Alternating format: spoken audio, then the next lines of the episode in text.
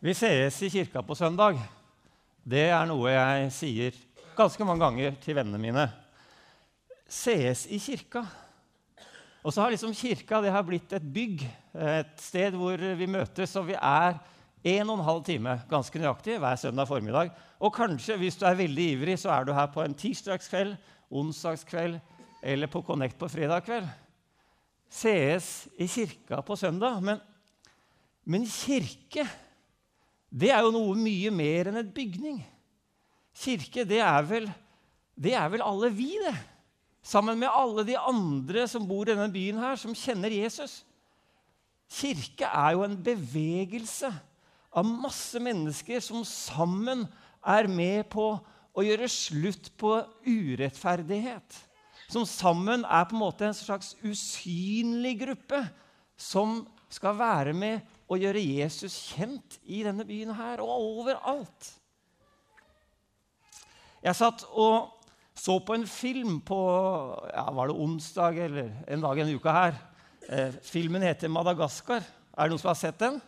Der har du noen artige eh, figurer. Marty han er, han er den derre sebraen med striper. Eh, og så har du Mel Hva heter han der sjiraffen igjen? Er det Melvin på norsk? Ja, jeg tror på engelsk. Jeg, jeg så den på engelsk, jeg vet så jeg, da heter den Melsom, tror jeg. Og så har du Alex, han er løven. Og så har du en gjeng med sånne eh, Ikke pirater, men pingviner. Ikke sant? Og De er i en dyrehage i New York. Og der er det veldig ålreit å være, i hvert fall for noen av de. Han, eh, Løven Alex han sitter og spiser sånne deilige biffer. Eh, hun, han Melvin, som dere kalte han, han sjiraffen, han er litt sykelig. Uh, han er alltid noe gærent med og Der får han all mulig hjelp han, han trenger. Og så, og så, har de forskjellige dyrene der. Men han Marty han har litt sånn spesialbehandling, for han har nemlig en sånn tredemølle. Har du lagt merke til det?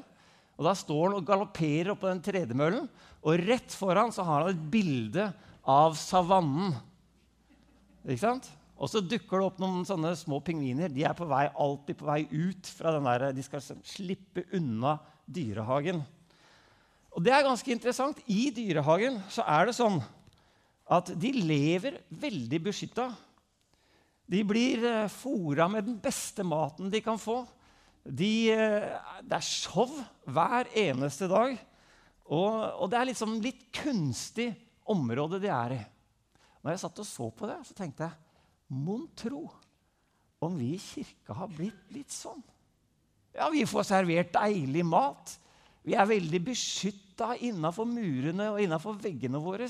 Ja, og, og, blir det litt for ille, så kan vi sette opp et bilde fra Afrika, og så er vi liksom der vi skulle være. Har vi blitt litt sånn? At vi ikke helt opererer i vårt rette element. Og så er det sånn at Noen av oss vi er blitt sånn som den løven. Vi har slått oss helt til ro. Å, jeg vil ikke tilbake til Afrika. liksom. Han får mest mat der han er. Han har det helt utrolig deilig. Han kan stå og flekse og brøle for alle publikum og ha show. og Han nyter det. Men det er noen som har en sånn urolighet på innsida. Nei, men det hører jo ikke hjemme her. Det er de pingvinene. De er stadig vekk. Liksom, de dukker opp og ned, og de finner ikke helt veien. Men også Marty, han eh, sebraen, han har en sånn lengsel inni seg. En lengsel om å komme i det rette element. Nå vet jeg at eh, når, man, når, når tida går, så blir man litt sånn vant med ting. Og ting kjølner litt ned. Kanskje har det vært sånn at du på et tidspunkt kjente på den drømmen at å, jeg skulle likt å være et annet sted. Men så har det begynt å kjølne litt ned. Liksom Tida tar oss, og vi blir litt, sånn, litt mer ufølsomme. og, og sånne ting. Og så, Sånn er det jo også i relasjonene våre. Nå sitter Alice, kona mi, der nede, og, og jeg vet ikke om du kan relatere til det, men kanskje. Jeg husker når vi ble kjærester. Ja, jeg var, jeg var helt utrolig begeistra. Jeg hadde vunnet den store premien. vet du. Jeg hadde fått lov å velge en på øverste hylle. Ikke på min hylle, men på øverste hylle. Ja? Jeg var jo, og jeg var jo litt smånervøs også. Tenk om jeg mister liksom, den der på øverste hylle. Jeg husker Noen ganger så var vi ute og kjørte bil, og så ble det liksom litt stille. Og jeg tenkte å nei, dette her er et dårlig tegn.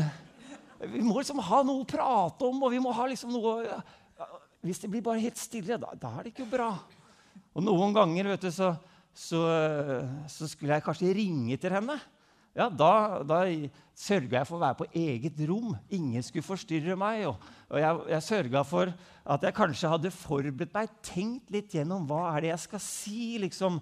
Hvis hun sier det, da, da kan jeg si det. Og så kanskje jeg skal huske på å snakke om det. Jeg husker også en gang Da var jeg unna borte fra Alice en stund. Eh, jeg var i Canada, og så, jeg, så, kom jeg til Niagara Falls. Eh, det er jo sånn svært eh, fosseopplegg. Og når jeg kom dit, så Ja, dere vet hva jeg snakker om? Ja. Når jeg kom dit, så fant jeg ut at dette her var et av de mest populære bryllupsreisedestinasjonene eh, også i Canada. Da var det noe som skjedde i meg. at Jeg bare begynte å savne Alice så veldig. Jeg hadde så lyst til å dele det jeg opplevde. Liksom. Se på den fossen, hadde jeg lyst til å si til henne, men hun var jo ikke der. Da gjorde jeg noe helt vilt. Vet du hva Jeg gjorde? Jeg fikk tak i en sånn liten sånn filmboks, sånn gammeldags filmboks, sånn som du fikk Kodak-film i. vet du, sånn plastikkboks. Og så sto jeg liksom rett ved fossen og så lente jeg meg langt ut i fossen for å få litt vann oppi, denne, eh, oppi den der filmboksen. Jeg måtte jo dele det jeg opplevde. Ikke sant? Så Jeg sto der og risikerte nesten livet for å få litt av det der vannet. Satte på korken, og så dro jeg hjem. Og så kom jeg hjem til Alice, og så sa jeg, 'Alice, vær så god'. Og hun vet du, var bare sånn Hæ? En filmboks med vann! Det er jo helt idiotisk. Men det er noe av den der sånn begeistrende Du gjør helt rare ting fordi du er så begeistra og betatt.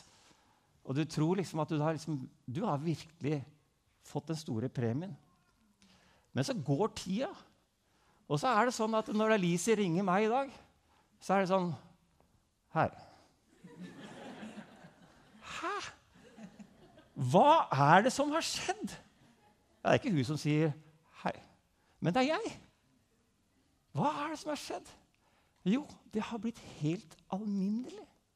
Det har på en måte bare blitt helt ordinært og alminnelig. Nesten litt Jeg vil ikke si kjedelig, da, men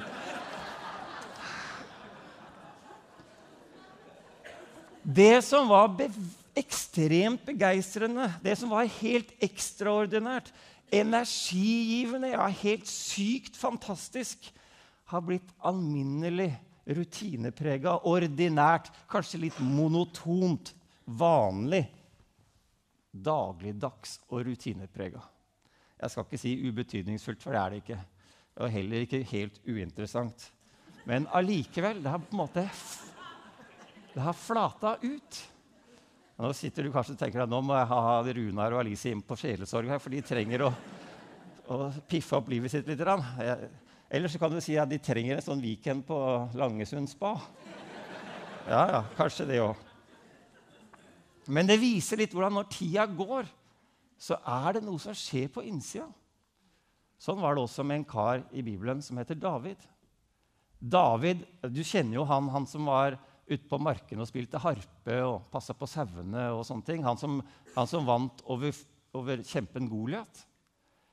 David starta livet sitt som en som var helt sånn utrolig var. En som var utrolig uskyldig. En som var helt, du vet at Når han satt inne, inne hos kongen, kong Saul, så var det av og til at kongen prøvde å drepe ham og kasta spyd etter ham. Da gjorde han ingenting tilbake. Du og jeg hadde kanskje tatt spydet og kasta det tilbake på kongen, men han, han, gjorde ikke det. Han var helt... En gang så var kongen sånn etter ham at han jagde den gjennom hele landet. Og han gjemte seg inne i huler og sånne ting. Så sitter han der inne innerst i en hule, så kommer kongen som skal drepe han for å gå på do inne i hula. Har ikke med seg våpen eller noen ting. Så går han inn i hula, så setter han seg ned rett ved siden av der David gjemmer seg. Da sier vennene til David men uskyldige gode David. Han skjærer en, en flik av kappen hans, og så rører han han ikke. For han var helt utrolig ja, Han var kanskje beskjeden, men han var helt utrolig gudfryktig. Så går det litt tid, og så har David blitt konge. Og så er det på den tida hvor eh, de fleste kongene drar ut for å krige litt. Jeg vet ikke om det var som å spille golf. På den tida de spilte golf, er det i dag. Men på den tida var det kanskje på den tida de, de pleide å gå ut og krige. Så drar han ikke ut i krigen, men han sitter på taket sitt. Og når han sitter på taket sitt, så ser han ei dame som heter Batseba. Og så får han så veldig lyst på den dama, inviterer dama opp. og Så ligger han med dama og sender han dama av gårde igjen så får han plutselig beskjed om at den dama har blitt gravid. Da begynner han å bli liksom, å, det her må vi jo dekke over. Jeg har gjort noe som ikke er helt bra. kanskje. Jeg må dekke over det. Og så Da tar han og inviterer mannen til dama, som heter Urias, til å komme hjem. Han er ute i krigen for David. Så sier han ta så send Urias hjem, så han kan gå og besøke kona si, for da tror han helt sikkert at det er hans barn. Men Urias, du, som kommer hjem, han er så edel i sinnet at han vil ikke dra hjem og besøke kona si. Han blir værende hos David hele tiden og sier, 'Jeg kan jo ikke dra hjem til kona mi hvis alle vennene mine er ute i krigen.' Da står vi her i porten hos kongen. David prøver liksom å få det til enda bedre, så han prøver å skjenke en full, du, så han skal dra hjem og ha sex med kona si. Men det gjør han ikke. Han blir bare liggende der i porten for han kan jo ikke ha noe bedre situasjon enn alle vennene hans, tenker han. Da vet ikke David helt hva han skal gjøre. Så tar han og sier til Joab, hærføreren, så sier han, ta sett Urias på det stedet der hvor kampen raser aller verst. Og når det er virkelighet, så tar alle de som er rundt ham, og bare stikker av. Sånn at han faller. Og så gjør de det, og så dør Urias. Og så er denne mannen som en gang var helt sånn myk og var, blitt helt hard. Og så, og så tar han og så dreper en mann. Og så lever han bare videre. Og så kommer profeten. da, vet du. Så kommer profeten, og så sier han, du, det var en gang en fattig mann og en veldig rik mann. Han rike mannen hadde sauer og hester og storfe og småfe i hopetall. Den fattige mannen hadde bare én sau, eh, ett lam. Og dette lammet tok han sånn vare på. Han lot lammet spise av tallerkenen sin, drikke av koppen sin. Ja, det var som datteren hans, står det. Og så var det denne, gamle, denne rike mannen han skulle få noen gjester på besøk. og Så, så hadde han ikke lyst til å ta, drepe et av sine egne sauer. eller noe sånt, Så han går bort og så tar han lammet til den fattige mannen og slakter det og serverer til sine venner. Da våkner rettferdighetssansen hos David. Og så sier han, 'Å, det der var en forferdelig historie. Den mannen må dø', sier David.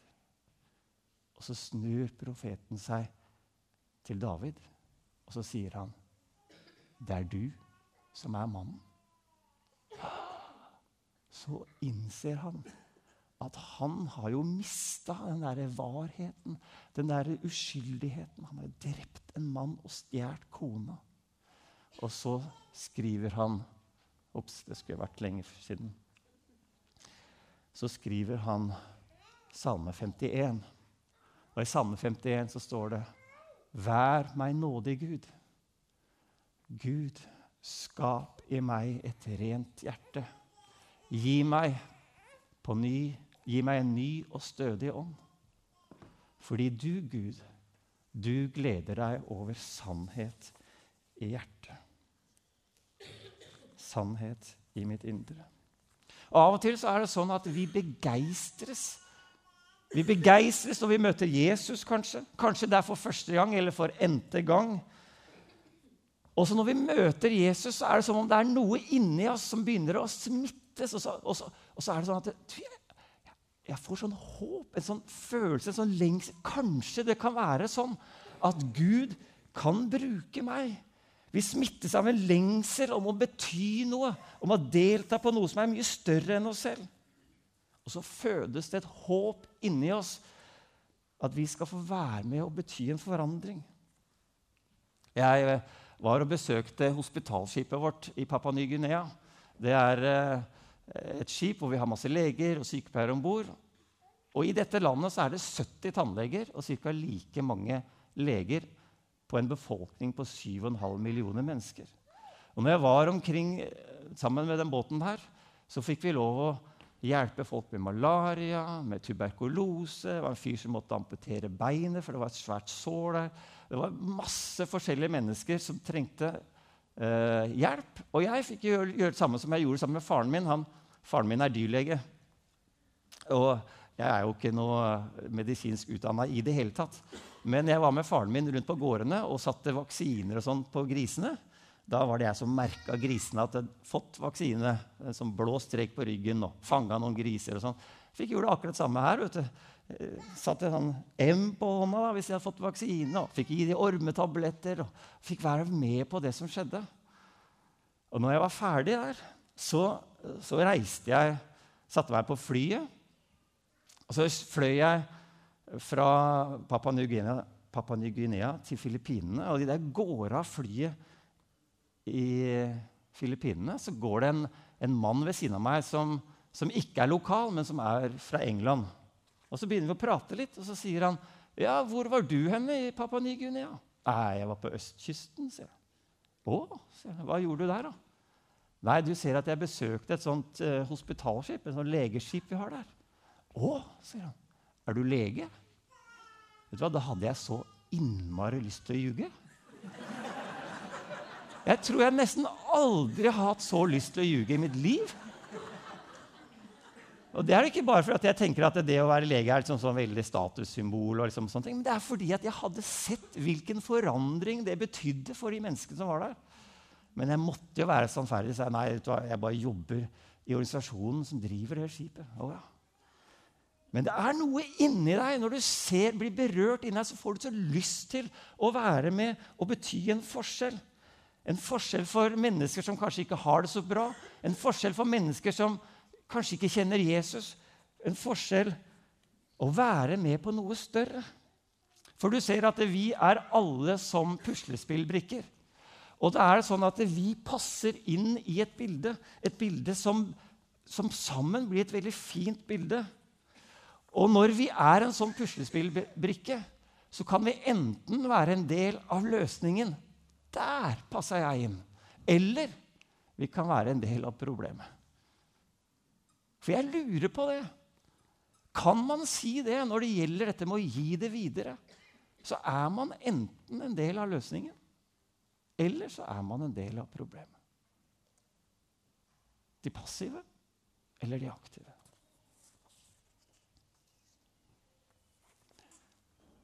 Det er sånn vet du, at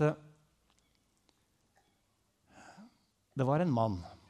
Han eh, bodde et sted, og så møtte han Gud.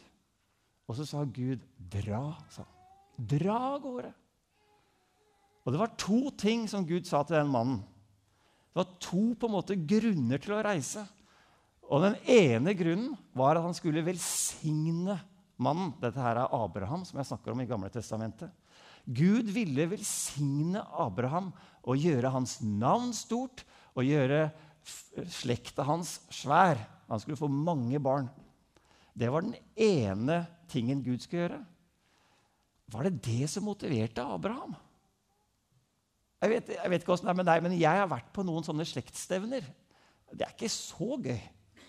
Altså, det er litt ok liksom, å treffe noen du ikke har sett på en stund, men det er jo så mange. Og det er så mange du, liksom, du nesten ikke kjenner. Det er jo ikke så gøy å være på sjekkstevne. Så det å reise fra ditt eget sted Dra bort fra mors kjøttkaker. Dra bort fra kulturen din, fra maten som du er vant med å spise, språket du er vant med å snakke, alle vennene dine, alt sammen. Bare for å ha et, et stort slektsstevne. Jeg vet ikke.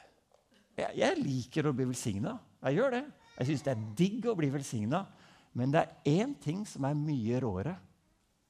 Det var den andre tingen Gud sa til Abraham.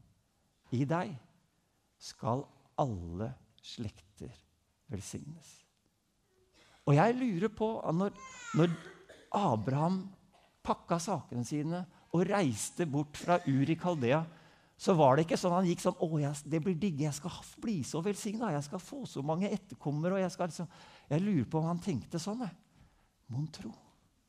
Mon tro om jeg kan få lov å være til betydning for noen mennesker. Mon tro om der jeg kommer, så skal jeg få lov å være til velsignelse. For det er jo mye bedre å være til velsignelse enn å bli velsigna. Og så blir Abraham en helt. Ja, det står masse om han i Bibelen vår. Men jeg har lyst til å spørre deg helt. Jeg vet, ikke, hva, hva, jeg vet ikke hva slags tanker du har om en helt, men, men han Abraham han hadde en del sånne mangler og feil. Når han er på reisa si, så går han rundt, så har han en smellvakker kone. og Så går han rundt og tenker at eh, når jeg går her, treffer mye folk, og så, så, ser de kona mi Det kan jo godt hende de får lyst på kona mi og gifte seg med hun. Og så kommer de til å drepe meg for å få hun kona mi. Da er det litt dumt at jeg sier det er mannen hennes. Så går han rundt og så ljuger han. vet du. Så går han og sier det er bare søstera mi. Sara det er bare søstera mi. du. Det var nesten så gikk gærent også. Det var en konge som prøvde å gifte seg med søstera hans. Men det var jo ikke noe særlig. Jeg vet ikke åssen dere damer som er her, når dere skal hjem liksom en mørk kveld, og, og, du går der sammen med mannen din, og så, og så går mannen egentlig bare og tenker på seg sjøl. Åssen han skal komme seg unna uten å beskytte deg. Hva slags type er det, da? Jeg har jo akkurat vært i Amerika. Der er det sånn at mannen alltid skal gå på yttersiden, nærmest trafikken, for å beskytte damene. Er, de, har sånn, de er lært opp til dette, her, disse amerikanerne. De er flinke. Men Abraham var en feiging. Og fordi han var en feiging, så ble han en løgner. Og ikke bare ble han en løgner, men en dag så kom jo Gud til han, og så sier han at du, Abraham, du skal få masse barn. Nei, det trodde han ikke på, så da lå han bare på bakken og lo seg i hjel. Og så prøvde han å fikse det likevel. Da. Så gikk han og hadde sex med tjener, tjeneren sin, eller tjeneren til kona si, og så fikk de en unge. Han prøvde liksom på den menneskelige måten. En helt høres ikke ut som en helt. Men det er kanskje én ting som gjorde at han ble en helt. Vet du hva det var? Han sa ja. Det er jo så enkelt. Men han sa ja til å krysse noen barrierer. Han sa ja til å gå en distanse. Han sa ja til å dra. Det er villigheten vår som Gud vil benytte. Det er villigheten vår som gjør at vi, alle vi som sitter her inne, kan bli helter. Fordi vi er lagd av heltemateriale, alle vi. Alle vi går rundt og har en sånn drøm, kanskje, om å få lov å bety en forskjell. Nei, sier du kanskje, jeg, jeg liker mest strikking og håndarbeid og sånne ting. Nei da. For du kan sitte og se på det om det er en såpeopera, eller det er en kriminalfilm eller en actionfilm eller bare en sånn kjedelig dramafilm, så er det noe som inni der begeistres når helten vinner over banditten. Ja, rettferdigheten skjer. Eller når helten vinner premien. Eller når rettferdigheten oppfylles. Eller når Odd vinner. Det, er som, det er noe som skjer når vi vinner, og rettferdigheten skjer. Helten er de som er villige som sier ja. Misjonsbefalingen sier 'gå ut i hele verden og forkynn evangeliet for alt Gud har skapt'. Selvfølgelig skal vi velsigne folk der vi bor. Men det kan virke som at Gud liker veldig godt at det er noen som krysser noen barrierer, krysser noen grenser Enten det er grensa mellom hagen din og hagen til naboen, eller grensa mellom byen din og nabobyen, eller grensa mellom landet ditt og nabolandet ditt, eller kanskje noen kulturgrenser, eller kanskje det bare er å gå til arbeidsplassen. Men det skjer noen ting når du går, når du sier 'OK, ja, jeg vil være med, jeg vil gå'. Og Jeg gikk en gang til Etiopia, og jeg kom til en by som het Jimma, heter Jimma. Der var det ikke veldig mange kristne, det var veldig mange muslimer. Ikke veldig mange kristne, og, og Noen av de største menighetene var på 16 kvadratmeter. Det er ikke så veldig stort. Og Mens vi var der, så så vi hvordan ungene som var i nabolaget, ble piska bort.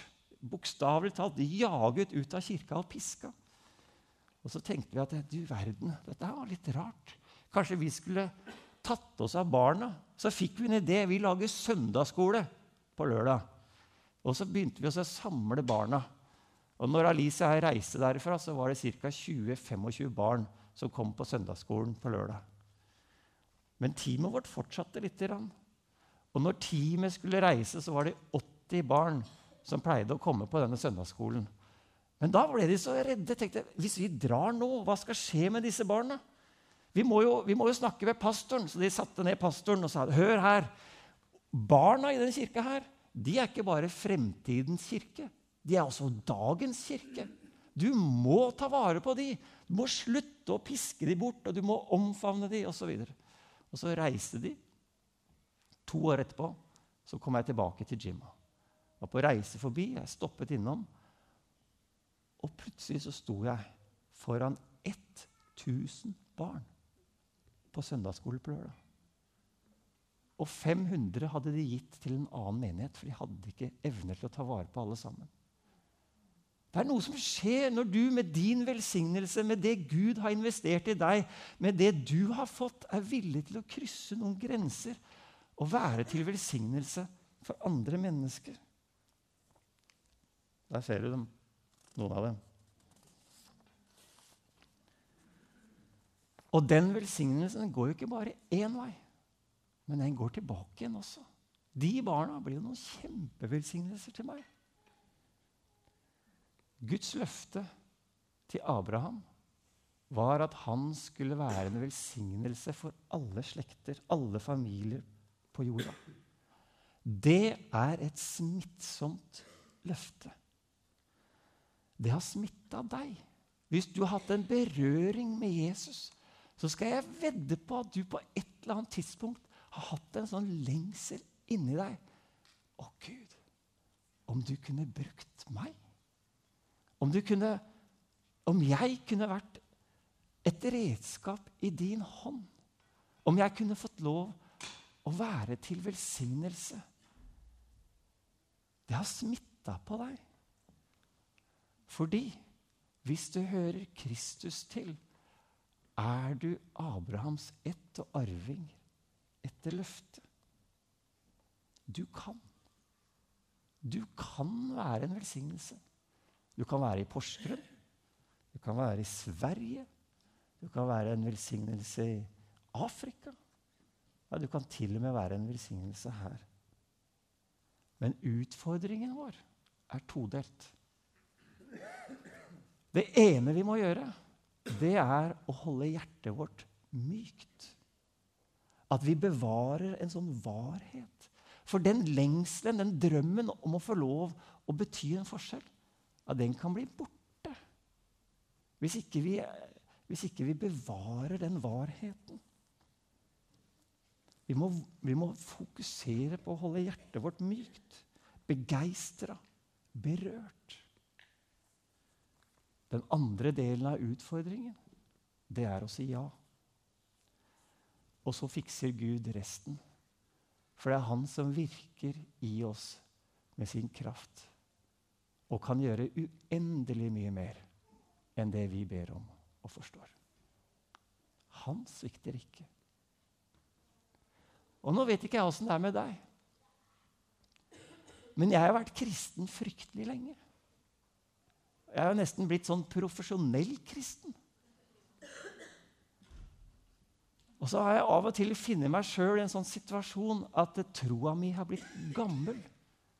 At troa mi har blitt litt sånn stivna. Og at bønnene mine har blitt fryktelig tørre og kalde.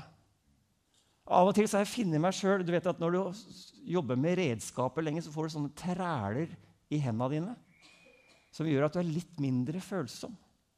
Av og til har jeg opplevd at jeg blir fått sånne træler i hjertet. Og da må vi jo la Jesus berøre oss. Mykne opp igjen det der som har blitt gammelt, tørt, kaldt og hardt. Det er kanskje den største utfordringen. Og så må vi si ja. Så vi ber Jesus at her sitter vi, mennesker som kanskje er en del av din kirke, men ikke bare inni disse veggene her, men utafor disse veggene også. Her sitter vi, vi som en gang har kjent på en sånn lengsel inni oss. Å, Gud, om du kunne brukt meg. Og så har tida gått.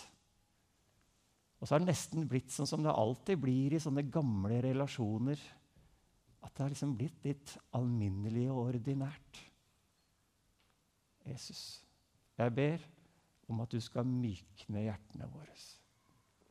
Jeg ber Jesus at vi skal få lov å ha et nytt møte med deg. Som begeistrer. Som gjør at vi skjønner at vi har fått, vi har fått valget på øverste hylle. og som gjør at vi har så lyst til å dele. Og når vi opplever den lysten og det kallet, den lengselen inni oss, så ber jeg Gud at du skal gi oss mot og styrke til å si ja. Jeg vil være med. Jeg vil dra. Jeg ber om det i Jesu navn. Amen. Nå skal vi synge noen låssanger sammen.